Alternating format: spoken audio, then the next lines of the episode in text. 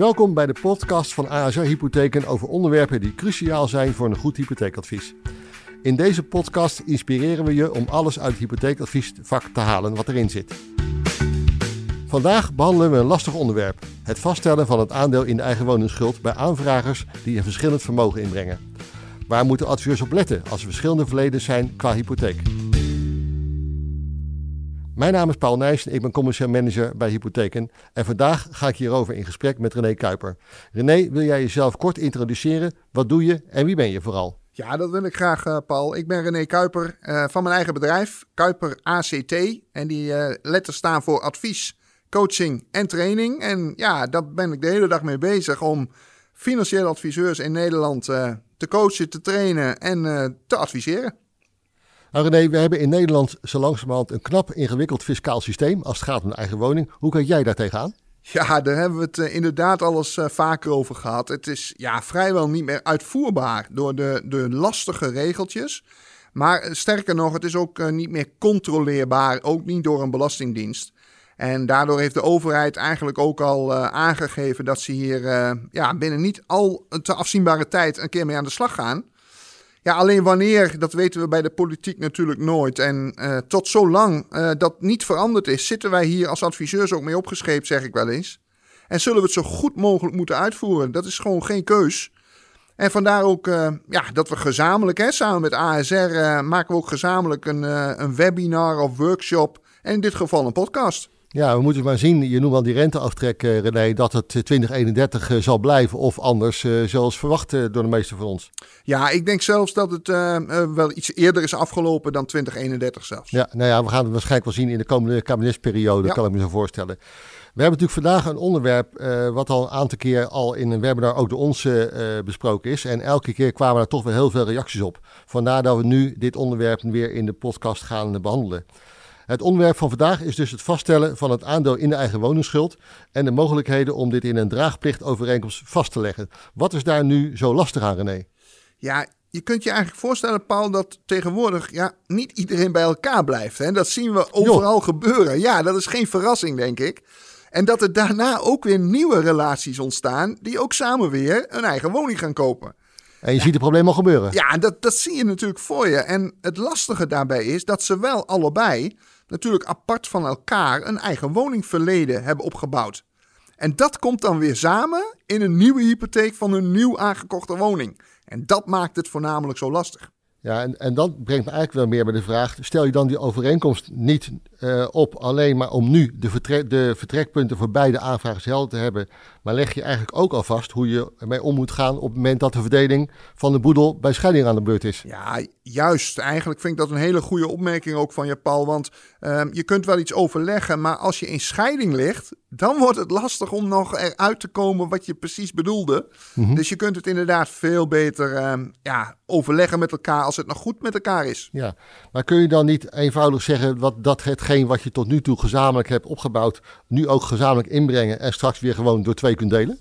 Ja, was het maar zo eenvoudig, Paul. Want uh, daar denkt de fiscus wel iets anders over. En dat is ook eigenlijk in 2017 met een brief, en die kennen we allemaal, die man kennen we nog, met een brief van oud-staatssecretaris uh, Erik Wiebes, is dat echt naar voren gekomen. En vervolgens is er door uh, wederom weer een nieuwe staatssecretaris, Menno Snel, is daar een goedkeurend besluit overeengekomen. En daarmee hebben ze het wel gedeeltelijk gerepareerd. Maar ja, dat gaf ook met name bij dat, dat verbreken van de relatie, gaf dat weer de nodige problemen. Mm -hmm. Ja, en zodoende is er dus uh, toch ook weer een alternatief daarop gekomen. En dat heet dan uh, de interne draagplichtovereenkomst.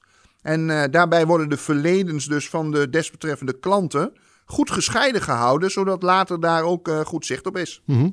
Maar als we dan even een uitstapje maken René, naar de hypotheekadviseur. Als die adviseur zich hier nou niet verdiept in deze materie, wat zijn dan de, de mogelijke consequenties voor hem? Ja, dat, dat is al eigenlijk een paar keer gebleken. Want er waren adviseurs die dachten, nou, dat gaat mijn kantoortje wel voorbij. Uh, maar maar al, er zijn al een aantal kievitzaken geweest, waarbij dus achteraf bleek dat dus de adviseur de klanten ja, een hypotheek had geadviseerd. Waarbij bijvoorbeeld alle leningdelen wel in box 1, dus rente aftrekbaar zaten. Mm -hmm. Maar dat bleek later niet zo te zijn, omdat ja, de adviseur hier gewoon onvoldoende aandacht aan besteed had. En dus werd de adviseur ook verweten dat er geen goed advies uh, is gegeven. En daardoor bleek in sommige zaken dat die adviseur dus ook al zijn adviesvergoeding moest terugbetalen. En ook alle kosten nog die mee daarmee samenhingen. Dus ja, dat wil een adviseur natuurlijk ook niet, lijkt mij. Nee, dat zijn forse consequenties. En kun je nu in het kort een klein voorbeeld geven waar het dan eventueel mis zou kunnen gaan? Ja, ja zeker, dat kan ik. Uh, stel dat je nu klanten op kantoor krijgt waarbij de een dus wel een hypotheekverleden heeft. Bijvoorbeeld omdat hij al een keer uh, ja, alleen een woning heeft gekocht of dat hij inmiddels gescheiden is van ex-partner. En dat deze persoon nu uh, in de nieuwe situatie met een andere partner een woning gaat kopen. Maar mhm. deze partner is nog starter. Dus die heeft geen eigen woningverleden. Nou, stel dat die eerste persoon dan al vanaf 2010 bijvoorbeeld een eigen woningsschuld had. Dan valt deze ook nog eens, en daar wordt het steeds ingewikkelder. Die valt dan weer onder een ander recht, dat heet het overgangsrecht van voor 2013. En heeft natuurlijk ook al 10 jaar renteaftrek gehad. En misschien nog wel een overwaarde. Dus dat heet dan een eigen woningreserve. Nou, en als je dan vervolgens niets hierover vastlegt. En hij koopt samen met die nieuwe partner weer een nieuwe woning. Ja, dan heb je eigenlijk al een probleem. Want dan, dan gaan die verleden samen. En dan heeft de een wel overgangsrecht en de ander niet. En ja, dat werkt gewoon niet. Nee, maar je omschrijft natuurlijk een probleem wat eigenlijk denk ik dagelijks voorkomt. Ja, dit, uh, dit, dit, gebeurt heel vaak. Ja, zeker. Ja, En, en de fiscus zegt dan ook nog, die verdeling van de hypotheekdelen, uh, als je niets vastlegt, wordt er gedaan als het dezelfde verdeling is als de eigendomsverhouding. En daar heb je dan het probleem vaak, Paul, want de meeste mensen kopen in een 50-50 verhouding de woning aan. Dus allebei de helft eigenaar. Mhm. Maar ja, die, die leningdelen, die zijn natuurlijk niet 50-50, omdat de een al een, een verleden heeft en de ander niet. En ja, daardoor ontstaat heel veel problemen. Ja, dus in feite zeg je, als je beide aanvragen, dat je eigen. Nee, laat ik het anders zeggen. In feite zeg je dat beide aanvragers benadeeld worden door verkeerd opgesteld oorspronkelijk advies. Ja, dat, dat klopt. Ja. En is, is het dan eenvoudig op te lossen? nou, eenvoudig, Paul, bestaat volgens mij in of, ons Of past eenvoudig met fiscus, gaat het nooit nee, samen? eenvoudig oh. en fiscus en eenvoudig bij een hypotheekadviseur, dat, dat is bijna niet mogelijk. Maar je hebt wel twee keuzes om het op te lossen. Hè. het is zeker op te lossen. Ook afhankelijk van wat de klant voor ogen heeft. Want in eerste instantie zal hij natuurlijk niet begrijpen wat voor probleem hier nu allemaal aan de grondslag ligt. Dus je moet hem daarin helpen. Maar je hebt de keuze om te kiezen voor, en dat noemen ze dan met een moeilijk woord, het goedkeurend besluit. Ja, en dat, letterlijk vertaald betekent dat gewoon eigenlijk alles op een hoop gooien en delen er twee. Hè? Dus dan wordt mm die verledens uh, op een hoop gegooid. Dat lijkt simpel en logisch. Uh, maar totdat deze natuurlijk weer uit elkaar gaan en dan kun je het niet meer terugdraaien. Dus dat lijkt me dan uh, ja, niet de beste oplossing. En daarnaast kun je natuurlijk een andere keuze maken om de eigen woningverleners wel gesplitst te houden. Dus je gaat samen een huis kopen, maar je houdt je verleden die je hebt opgebouwd qua hypotheek, die hou je gesplitst. En dat, dat kun je dan ook vastleggen in zo'n draagplichtovereenkomst. Nou ja, zoals je het nu uitlegt, klinkt het nog vrij eenvoudig. Maar is het ook wel zo? Nou, ja, het klinkt misschien eenvoudig, dus compliment dat ik het misschien eenvoudig uitleg, maar het is toch een vrij lastige materie. Uh, het begint namelijk het lastige al bij het juist inventariseren van dat eigen woningverleden. Mensen weten natuurlijk niet meer wat er zes, zeven of tien jaar geleden allemaal is gebeurd. Mm -hmm. Dus dan is het ook vrij lastig om uit te leggen aan de klant wat die consequentie nu precies is. Ja, en dan spelen er ook nog, en daar heb je misschien ook een notaris voor nodig. Er spelen dan ook nog uh, ja, juridische, civielrechtelijke zaken spelen een rol. Ja, misschien is het goed om dat nog even toe te lichten. Dat, dat ook die juridische kant en civielrechtelijke kant aan bod moeten komen. Ja, ja, want we hebben het natuurlijk hier eigenlijk in deze podcast voornamelijk gehad over de fiscale consequenties. De aftrekbaarheid van de rente of bijvoorbeeld het overgangsrecht behouden. Maar als de een nu, stel je voor, eens meer eigen geld heeft ingebracht. Hè, dat kan zijn uit een overwaarde, maar natuurlijk ook gewoon spaargeld of een schenking van de ouders dan zal er gesproken moeten worden over hoe gaan we om met het ingebrachte geld van mij als we uit elkaar gaan. Dus wie krijgt wat bij een echtscheiding? En ja, dan kan het toch zomaar zijn dat de een meer geld op zijn bankrekening gestort krijgt dan de ander. En, en fiscaal gezien, ja, is er gewoon een gelijk deel, want je hebt samen die woning gekocht. Dus, dus wat je in je portemonnee krijgt, kan wel eens een ander bedrag zijn als wat de fiscus ziet als overwaarde, eigen woningreserve.